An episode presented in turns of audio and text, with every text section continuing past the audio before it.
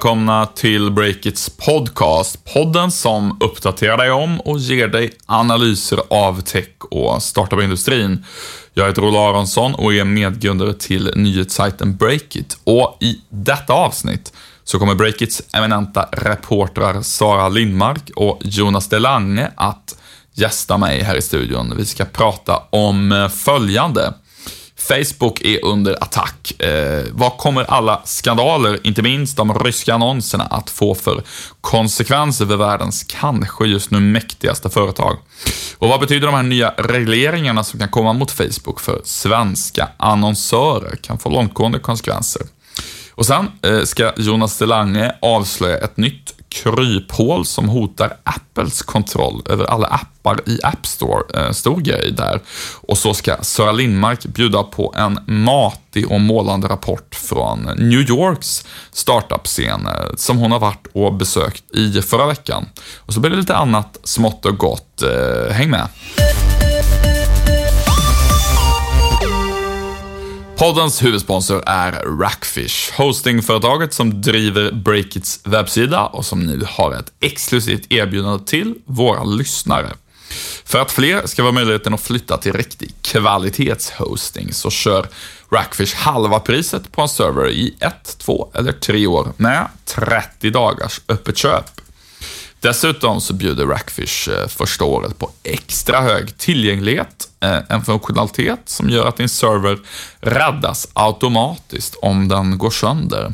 Eh, passa på att testa riktig kvalitetshosting. Gå in på rackfish.com breakit och läs mer eller ring till vdn Johan Olde på 08 4250 1818. Alltså 08 4250 1818 och diskutera dina behov med Johan. Sådär, välkommen in i studion Breakits techreporter Jonas Delange. Tack så mycket. Kul att få vara här igen. Ja, du är så välkommen Sam. Eh, det är kul att just du är här som har bra koll på startups i Göteborg. Du jobbar ju delvis därifrån och eh, då tycker jag att det kan passa perfekt att vi börjar dagens podd eh, med det mest uppsnackade techbolaget där just nu, får man ändå säga, Recorded Future. Eh, till att börja med Jonas, de flesta svenskar har nog ingen koll alls på vad Recorded Future gör för någonting, men de är ett väldigt spännande företag. Eh, du kan börja med att presentera dem. Vad, vad ägnar de sig åt? Uh, Recorded Future är ett riktigt här, deep tech-bolag som uh, riktar sig mot storföretag. Så att det är ju inga, inga konsumenter som stöter på det varumärket. Uh, de jobbar inom uh, IT-säkerhet och nu är det säkert massa riktiga eh, utvecklare och IT-säkerhetskunniga som kommer såga min beskrivning här. Men kortfattat det de gör är att de liksom kan scanna av det som kallas för the dark web, alltså internets mörka avkrokar som aldrig dyker upp när man söker på Google. Just det. Eh, där det är ja, mycket knarkhandel och, och sådana saker, men också där alla hackers hänger. Ja, exakt. Och det är ju så att utöver stora företag och så, så har Recorded Future eh, enligt de uppgifter som vi tidigare har fått när vi har pratat om dem också faktiskt åtminstone haft flera underrättelsetjänster som, som kunder. Så att det är IT-säkerhet på hög nivå kan man säga. Eh, och nu i början på veckan så kom nyheten att bolaget tar in ytterligare 210 miljoner kronor i riskkapital, bland annat från Insight Ventures som är en eh, jättestor investerare i New York som bland annat investerar i techbolag men också i mer mogna företag. Eh, du intervjuade ju vdn och medgrundaren Kristoffer Ahlberg om vad Recorded Future ska göra med alla de där pengarna de nu får in. Vad, vad ska de hitta på? Ja, han, Kristoffer eh, sa lite, lite roligt och skämtsamt i början där av intervjun att det första vi ska göra är att eh, sätta pengarna på kontot Eh, titta på dem och vara glada för att vi har dem. Just det. Men och, det låter kanske lite dåligt ur ett, det är ju minusränta och, och sådär. Det, det, det, det är väl ingen någon... investeringsstrategi kan man väl inte säga. Alltså. Nej, precis. Eh, men, eh, men sen så förklarade han då att de håller på att expandera åt alla håll och kanter egentligen. De är redan stora i USA där de har tre fjärdedelar av sina kunder. Men nu ska de då Eh, satsa hårdare på Asien och Europa där de har börjat, börjat växa bra. Eh, och även på olika partnerskap faktiskt, där de har återförsäljare som, som säljer deras tjänst vidare. Just det. Man kan tänka sig att det är ett bolag som, där ledningen är väldigt, väldigt duktig på tech och, och sådär, men att eh, man kan, det kanske kan vara bra när man går in i ett nytt land med lite annorlunda affärskultur och ta ja, någon eh, senior säkerhetssäljare av något slag till, till hjälp där kanske. Det kanske inte är helt lätt att börja sälja mot, jag vet inte, den kinesiska regeringen eller något sånt där om jag spekulerar lite grann utan att ha någon part som, som rekommenderar en. Eh, du, eh, hur är marknaden just nu för de här tjänsterna som Recorded Future erbjuder? De, ja, de hjälper ju till med att eh, ja, de skannar ju av dark web för att hjälpa andra med att förebygga och hindra olika IT-angrepp kan man väl säga lite förenklat. Hur, hur är marknaden för dem just nu? Eh, det, det, ser väl generellt eh, sett bra ut, eh, hela det här cybersecurity-området eh, som det eh, kallas på på lite fin engelska växer ju så det knakar. Ett exempel på det här är ju bara att eh, Recorded Future i somras eh, lanserade en, en ny del av sin tjänst där de tog ett hårdare grepp om Kina och Nordkorea och liksom granska de områdena. Och ja, Bara några veckor därefter i princip så började Donald Trump bråka med Kim Jong-Il liksom, så att det blev väldigt aktuellt på, på uh, världsscenen. Så. Uh, jag tänkte Just bara, det, så det är, det egentligen vad ska man säga, en mer osäker, osäker värld så, så, så blir det kanske större efterfrågan på deras tjänster kan man tänka sig. Ja, men eller hur. Han sa ju också, jag, jag läste en annan intervju han gjorde med magasinet uh, Fortune, där han sa att det amerikanska valet med, med Rysslands påverkan där är, är, bara början, för det här har, har Ryssland jobbat med ett längre tag och det, det kommer man se i framtiden också. Just det.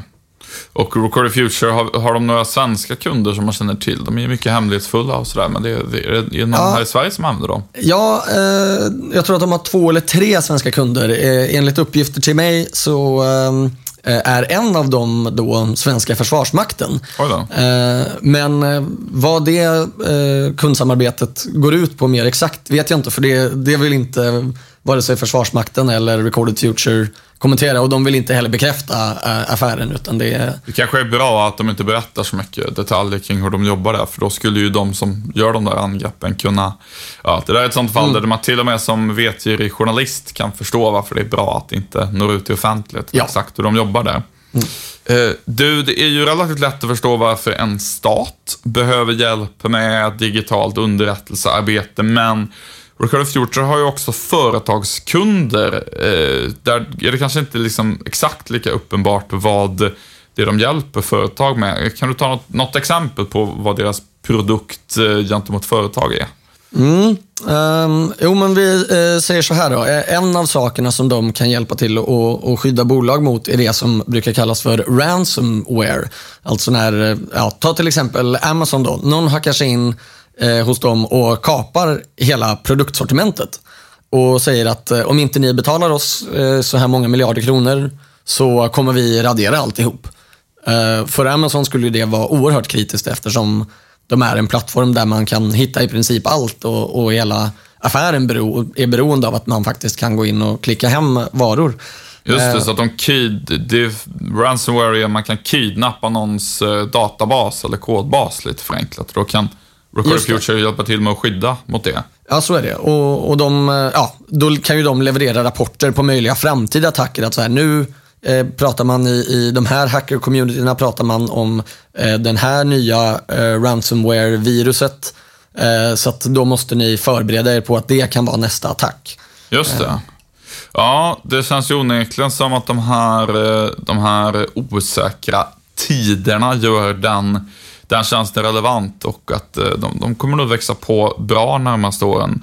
Record Future. Vi ska väl säga det också att de är väldigt um, hemlighetsfulla med sina siffror. De har ett moderbolag i USA och så. Vi, vi, vet inte hur mycket de omsätter just nu helt enkelt, men besked från dem är att de växer på bra, vilket inte är ja, de omsätter, De omsätter hundratals eh, miljoner kronor, eh, är beskedet och de räknar med att växa med, med 100 procent i år ungefär. Eh, men vi kan väl fortsätta på temat eh, internetspioneri. Eh, Olle, du har eh, kollat lite på den här granskningen av Facebook som pågår Eh, i samband med det amerikanska valet, eh, som kan få långtgående konsekvenser för annonsörer. Eh, berätta, vad är det för någonting? Ja, eh, efterspelet av det amerikanska valet har ju handlat eh, väldigt mycket om eh, Facebooks roll, får man säga. Det, det var väl kanske inte vad man trodde att efterspelet primärt skulle handla om till ett presidentval, eh, annonser på Facebook. Men nu är det så. Och eh, mm, det nya som har hänt, det är att i tisdags så tvingades Facebook vittna inför den amerikanska kongressen. Eh, bland annat Facebook, ska vi säga. Det är mest dem som det har varit fokus på. Och mm, det de har vittnat om, det är hur eh, annonser som var finansierade av Ryssland eh, användes under valrörelsen, valrörelsen i eh, höstas när Donald Trump vann. Och i samband med det här vittnesmålet inför kongressen, där alltså ja, USAs motsvarighet till riksdagsledamöter har frågat ut eh, Facebook helt enkelt, eh, livesänt eh, och transparent på så vis. I samband med det så har Facebook också lämnat in en del handlingar eh, till kongressen som därmed har blivit offentliga och där har det bland annat framgått att så mycket som 126 miljoner amerikaner eh, kan ha nåtts av eh, de här påstått Rysslandsfinansierade annonserna under valrörelsen. Um, man har också fått se eh, hur flera av de här annonserna ser ut. Eh, det finns till exempel en annons som handlar om att Hillary Clinton är väldigt impopulär bland amerikanska krigsveteraner. Eh, en annons som uppmanar gruvarbetare att komma på ett Trump-rally, alltså ett valmöte till stöd för Donald Trump. Eh, och de här ska då ha, ha finansierats av, ehm, av någon typ av ryska intressen. Det där är fortfarande under eh, utredning. Ja, det, det, Facebook har ju eh, egentligen från början sagt att nej, eh, eh, Facebook har inte påverkat valet överhuvudtaget och sen så har de liksom stegvis fått backa och nu till slut tvingas erkänna då att annonser eh, påverkar valet. Men, och nu har de kommit med det här vittnesmålet, men vad, vad kommer hända nu, eh, Olle? Ja, eh, precis som du säger, nu har de till slut eh, bekänt det här kan man säga.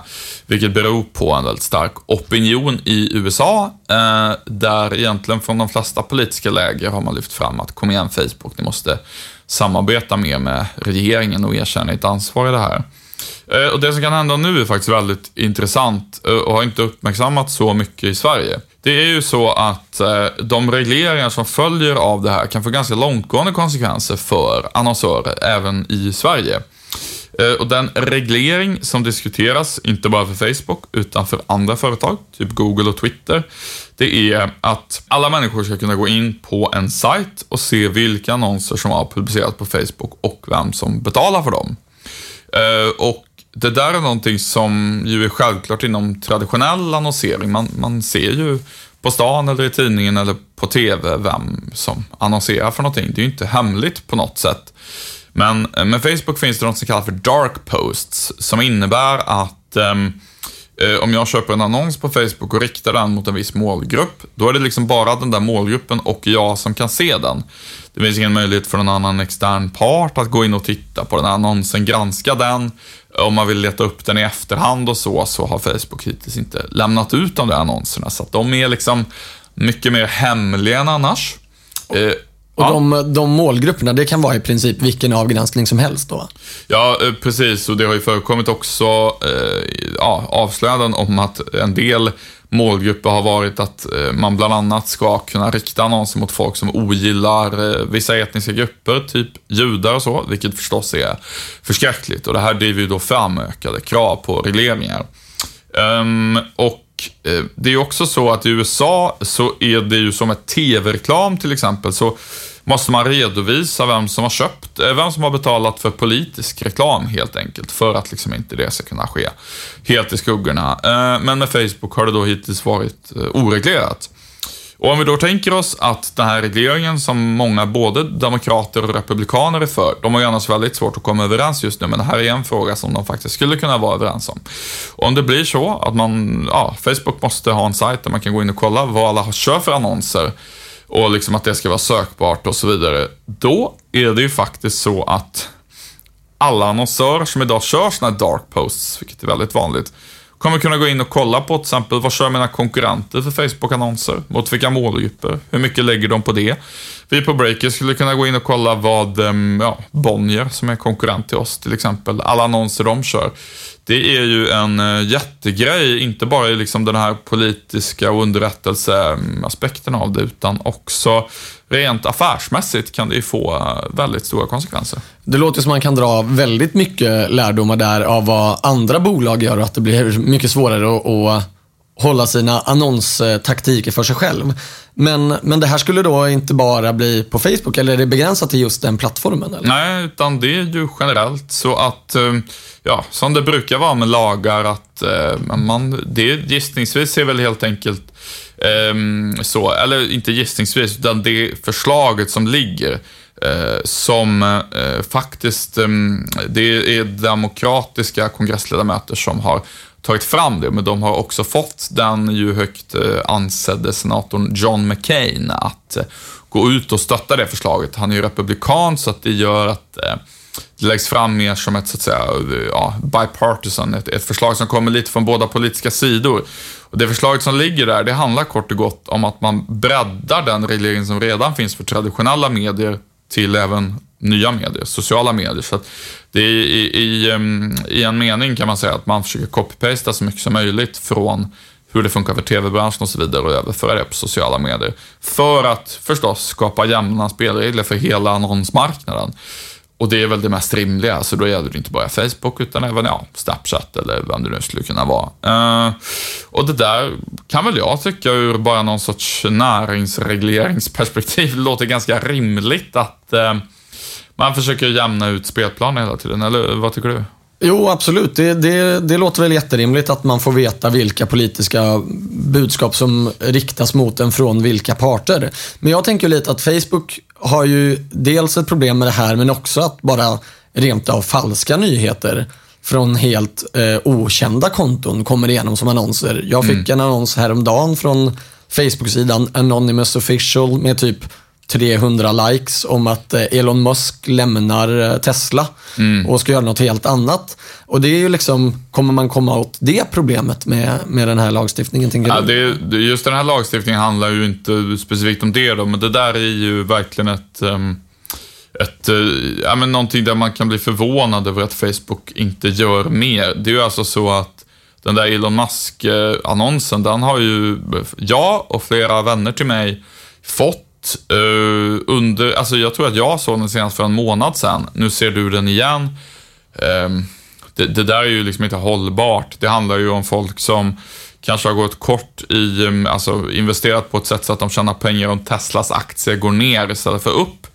Uh, och sen Kursmanipulation helt enkelt. Ja, precis. Och sen sprider man det där. Det, det är ju klart att uh, så där ska det inte få gå till. Uh, och vad gäller just det så um, det är väl någonting som, som eh, även eh, traditionella medier kan ta till sig. Det förekommer ju lite liknande på D.SEs börssnack till exempel. Att eh, folk eh, försöker pumpa och dumpa aktier och sådär. Men eh, i, det, i, i det där fallet med Elon Musk är jag verkligen förvånad för det har hållit på. Den där har snurrat runt i, i månader känns det som. Ja, och eh, det har rapporterats flitigt om den också, att den, att den finns. Att man förstår inte att de inte har lyckats blockera den. Eh, men det blir spännande att, att följa den här processen med Facebook och de amerikanska lagarna vidare tycker jag. Vi fortsätter att eh, bevaka det noga och håller er uppdaterade.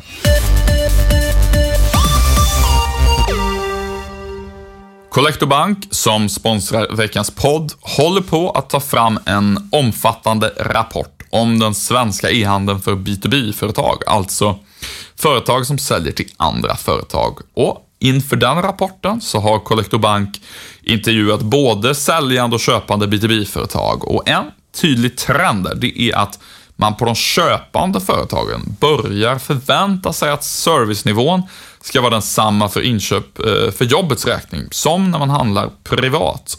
Och det är ju rätt självklart när man tänker efter. För de säljande företagen gäller det alltså att börja se över responstider, varors tillgänglighet och så vidare så att nu när B2B-boomen kommer så är man redo. Och vill du läsa mer om det här och dessutom få rapporten när den presenteras eh, i januari 2018 så går du in på collector.se convert och anmäler ditt intresse. Alltså collector.se convert med C. Eh, då blir du fortlöpande informerad med ny info, analyser och data. Jonas, nu ska du bjuda oss på nyhet som jag har fått reda på bara i rubrikform och som jag tyckte lät väldigt kittlande. Det handlar om kryphålet som låter dig kringgå Apples stenhårda regler i App Store. Ehm, vi kanske ska börja lite bakgrund där. Vad är det för regler i App Store som vi pratar om och varför är det en stor grej? Vi kan ta det eh, från början där tänker jag med. Alltså, för det första, har man en, en app då för iPhone så egentligen det enda riktiga sättet att få in den i telefoner är genom eh, appbutiken App Store. Eh, och Ska man lägga upp en app där så måste den godkännas av Apple för först liksom 1.0-versionen men sen eh, varje ny version också. Och Då finns det en, en lång rad villkor där helt enkelt. Eh, nu ligger ledtiderna där på ungefär en till två dagar, alltså granskningstiden. Tidigare har det varit upp mot en till två veckor. Eh, I internets snabba värld är ju det en hel evighet för att få igenom en, en uppdatering. Eh, om ens uppdatering blockeras av någon anledning så, så tar det ju ännu längre tid då. Just det, och där har vi sett exempel på till exempel med ja, alla appar som eh, Swish och så vidare som var beroende av svenskt bank-id som ju blockerades under en längre tid, vilket vi avslöjade och rapporterade mycket om eh, vilka problem det ställde till det för Försäkringskassan eh, och så vidare. Eh, men nu har det hänt något nytt där som du har grävt fram. Vad är det som har hänt?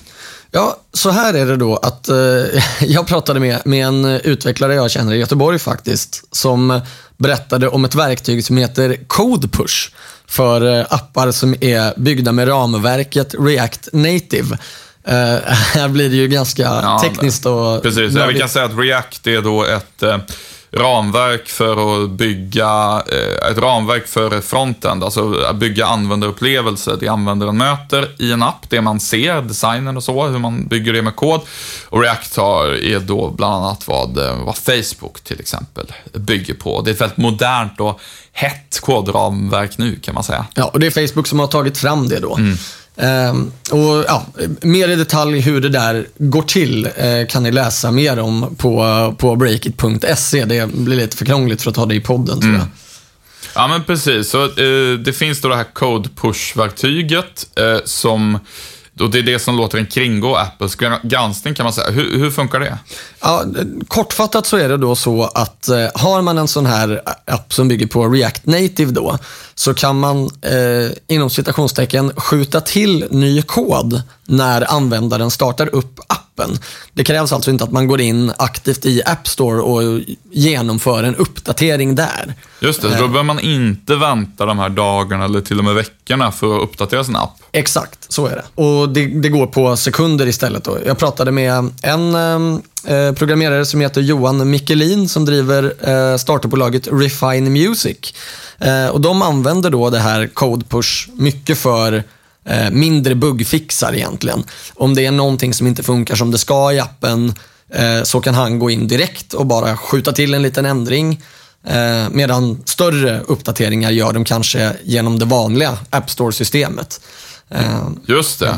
Hur, hur stor grej är det egentligen då? Det, man skulle dels kunna hävda att det är någon liten detalj som bara påverkar en liten grupp programmerare, men, men det finns ju också liksom en, en större story där. Hur, hur, stort tycker du att det är? Alltså, för det första så är det ju så att liksom, eh, bygger man en app i React Native så kan man göra det nästan helt och hållet, vilket innebär att du kan ändra nästan allting i din app. Mm. Eh, hela utseendet och också en hel del funktionalitet och sådana saker. Eh, man skulle kunna eh, lägga upp en app där som är typ bara någon bilddelningsapp eller någonting eller så här, där man kan köpa t-shirts ja. och sen när den ligger uppe i App Store så kan man byta ut alla t-shirts mot eh, illegala vapen eller droger till exempel. Just det. Eh, den möjligheten finns ju med det systemet. Sen så, så kontrollen minskar, dels är det det, men sen så Antar att det har en del effekter på, vad ska man säga, Apples, Apples makt över alla appar vi använder också. Ja, men, men eh, så är det ju. Alltså för, vanliga, eh, för vanliga bolag som inte är skurkar så innebär ju det här bland annat att man kan eh, göra tester av sina appar på ett helt annat sätt. Facebook använder ju ofta det här, jag vet inte om de använder just CodePush, men de använder ett liknande system då för att testa funktioner på kanske tusen eller hundratusen användare innan de rullar ut det helt och hållet. Just det. Eh, och det här gör ju att Apples ekosystem egentligen luckras upp något för att de har inte längre samma kontroll över de mindre ändringarna. Ska man introducera liksom, eh, köp i appen eller någonting sånt, då kanske man fortfarande måste gå igenom systemet. Men eh, Eh, en intressant detalj där också är ju att de som ligger bakom det här code push-verktyget är Microsoft. Som är en av Apples största konkurrenter, ska vi säga. Ja, men eller hur. Så att de, i grund och botten är det då Microsoft som hjälper utvecklare att eh, kringgå Apples granskning. Det blir lite mer som, eh, som Windows, kan man säga. Just det, och där så, som det är idag så, det är väl kanske bland den största makten som Apple har över näringslivet i stort. Att de, de kontrollerar det här app-ekosystemet. Eh, och eh, ja, i, i, en värld där folk lever sina liv mycket i mobilappar så att säga, så blir ju det inflytandet helt, helt enormt och det skulle ju mycket väl kunna bli, ja, helt klart Apples överlägset största eh, intäktskälla på, på lite sikt om de verkligen hittar ett sätt att eh, ännu mer ta Eh, Eh, ja, det ska mycket till för att det ska bli deras största intäktskälla kontra iPhone-försäljning och så, men man kan ju se en enorm potential där om de till exempel skulle börja sälja mycket mer annonser i App Store så att man kan köpa upp sig högre i sökresultaten som ett Google och sådär. Det ska, man, ska ju också tilläggas då att eh, iPhone-användare är särskilt åtråvärda för de här appbolagen för att de statistiskt sett köper mer grejer eh, inuti eh, apparna. Mer än vad Android-användare gör till exempel. Så att eh, de flesta spelbolag till exempel börjar då på iPhone och sen lägger man till liksom en, en Android-version efteråt för att kunna dra lite intäkter där också. Men att den stora motorn hela tiden är, är eh, iOS då, som operativsystemet heter. Just det. Och då egentligen kan man säga att det som Facebook och Microsoft, de som också är techjättar, gör här, det är att de utmanar Apples kontroll över allt som finns i App Store och så försöker de få massa andra utvecklare att också börja utmana den här kontrollen och använda code push och sådär. Och till slut så är det där så utspritt så att Apple kanske inte vågar stänga av det där, för då är det massa duktiga utvecklare och så runt om i världen som skulle bli jättearga på Apple. Typ så. Ja, men exakt. Du, tack så jättemycket för att du var med i podden. Vi får göra det snart igen. Det får vi. Tack så mycket.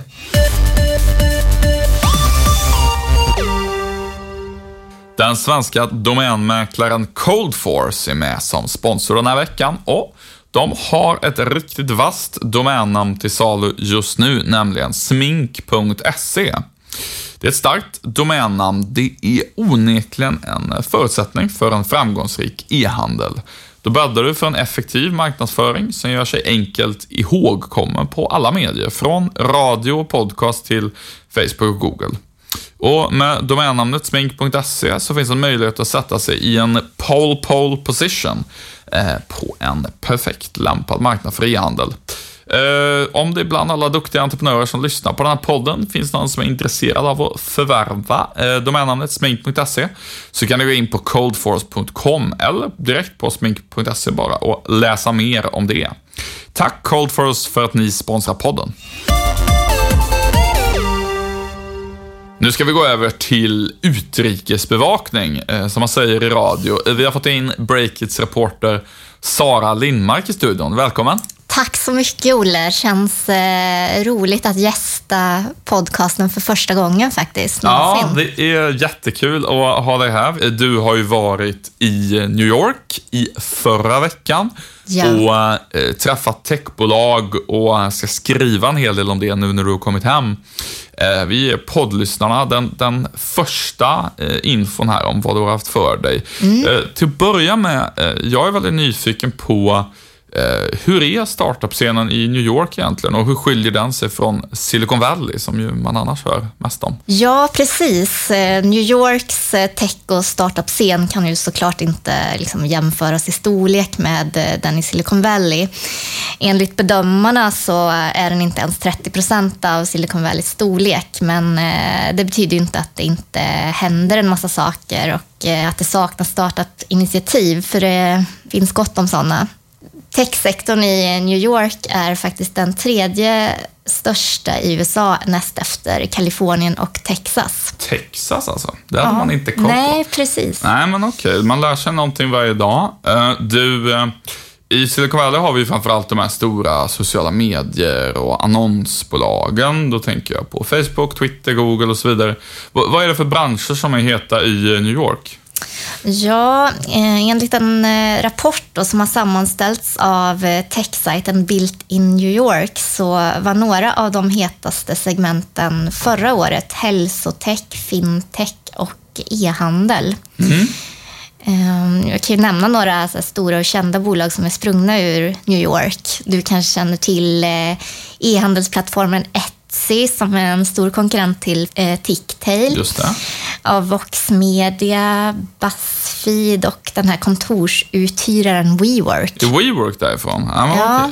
Det, de siktar ju på att bli, ja, vad ska man säga, världens största hyresvärd kan man säga. Mm, exakt. Tungt bolag får man säga. Och, ehm, eh, Eh, så det är lite så mediebolag, Vox Media, Buzzfeed, en hel del e-handel och sen är det WeWork och hälsa. Det, det är lite blandat där, men eh, lite andra typer av bolag än Silicon Valley. Du har ju varit där som journalist på marken verkligen och träffat eh, svenskar som jobbar där. Vilka har du träffat? Kan du ge några exempel? Oj, det är jättemånga, men jag har träffat bland annat då Ida Eklund på DigiXM, Mia Breiholz på StoryMe som bygger en barnboksapp.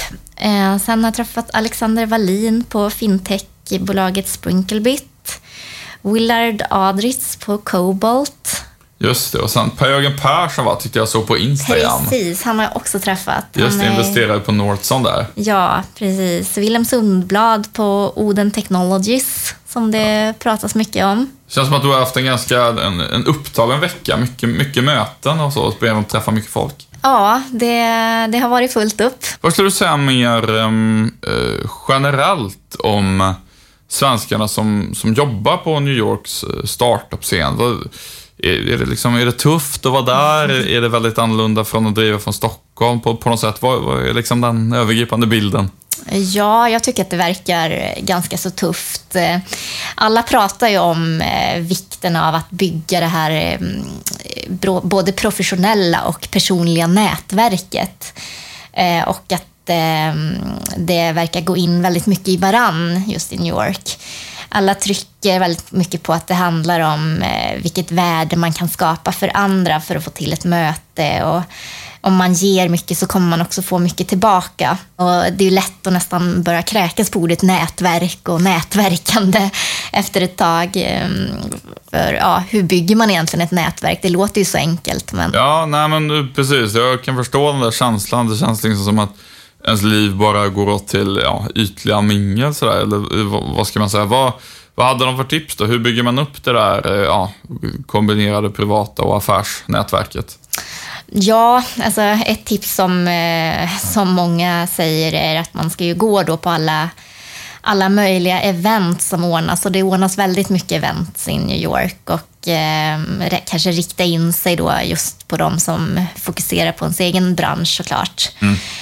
Ehm, och samtidigt så säger alla att det är lättare att få till möten i, med folk i, i New York. I Sverige är vi för, för snåla med nätverk och delar med oss av varandras kontakter helt enkelt.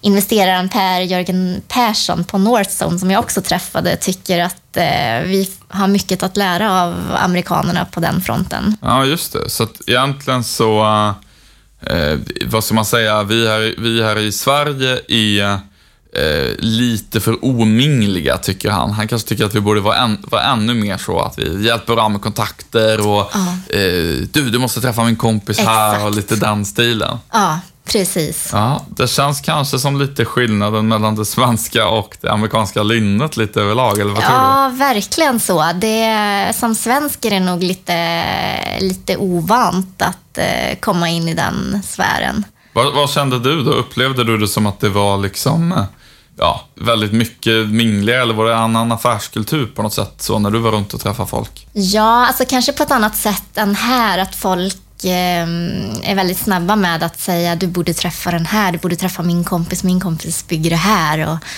eh, men det är ju, som journalist är ju det verkligen bara positivt. Just det, och egentligen så är det då vad ska man säga, folk lite mer oförblommerat eh, pitcha och tipsa och grejer också. Mm det finns någon sorts underförstådd tanke då om att man hjälper varandra med att tipsa Ja. varandras bolag. Ja, lite så. Precis. Ja, men just det. Det låter ju smidigt för, eh, för Per Jörgen till exempel, som är ju där och scoutar eh, svenska startupbolag.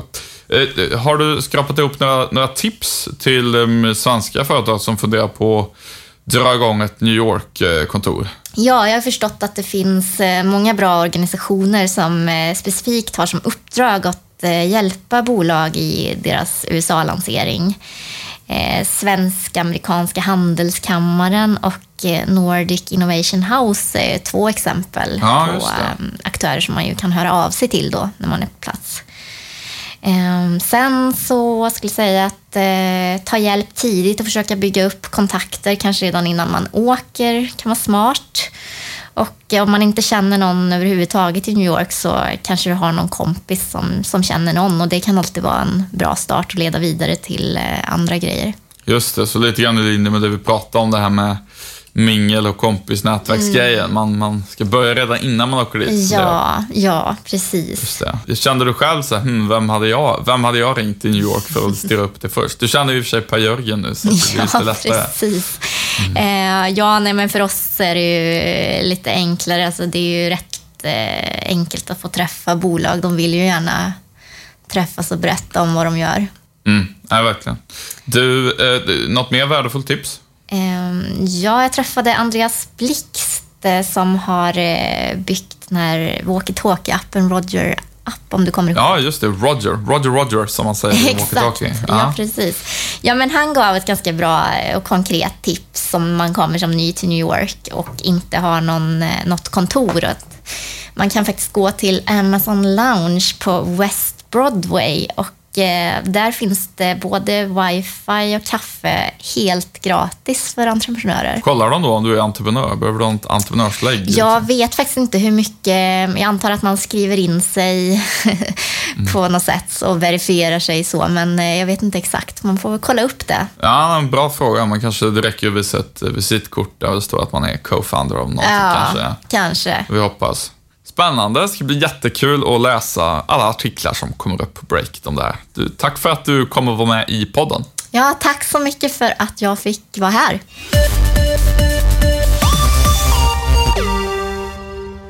Den här veckan är vi glada över att ha med StarCounter som sponsor till podden. StarCounter har utvecklat en väldigt spännande teknik som gör att du snabbt kan bygga revolutionerande mjukvara för den så kallade Enterprise-marknaden. Tidigare så har det varit tidsödande och kostsamt att gå från idé till att ha en färdig produkt på marknaden. Eh, men StarCounter kan hjälpa dig att bygga en så kallad Minimum Viable Product, en MVP, på 3-6 månader utan att tumma på kvaliteten. Och med StarCounters hjälp och teknologi så bygger du ditt eget ekosystem med funktionalitet som konkurrenterna tror är omöjlig. Om det här låter intressant så gå in på starcounter.com och läs mer. Tack StarCounter!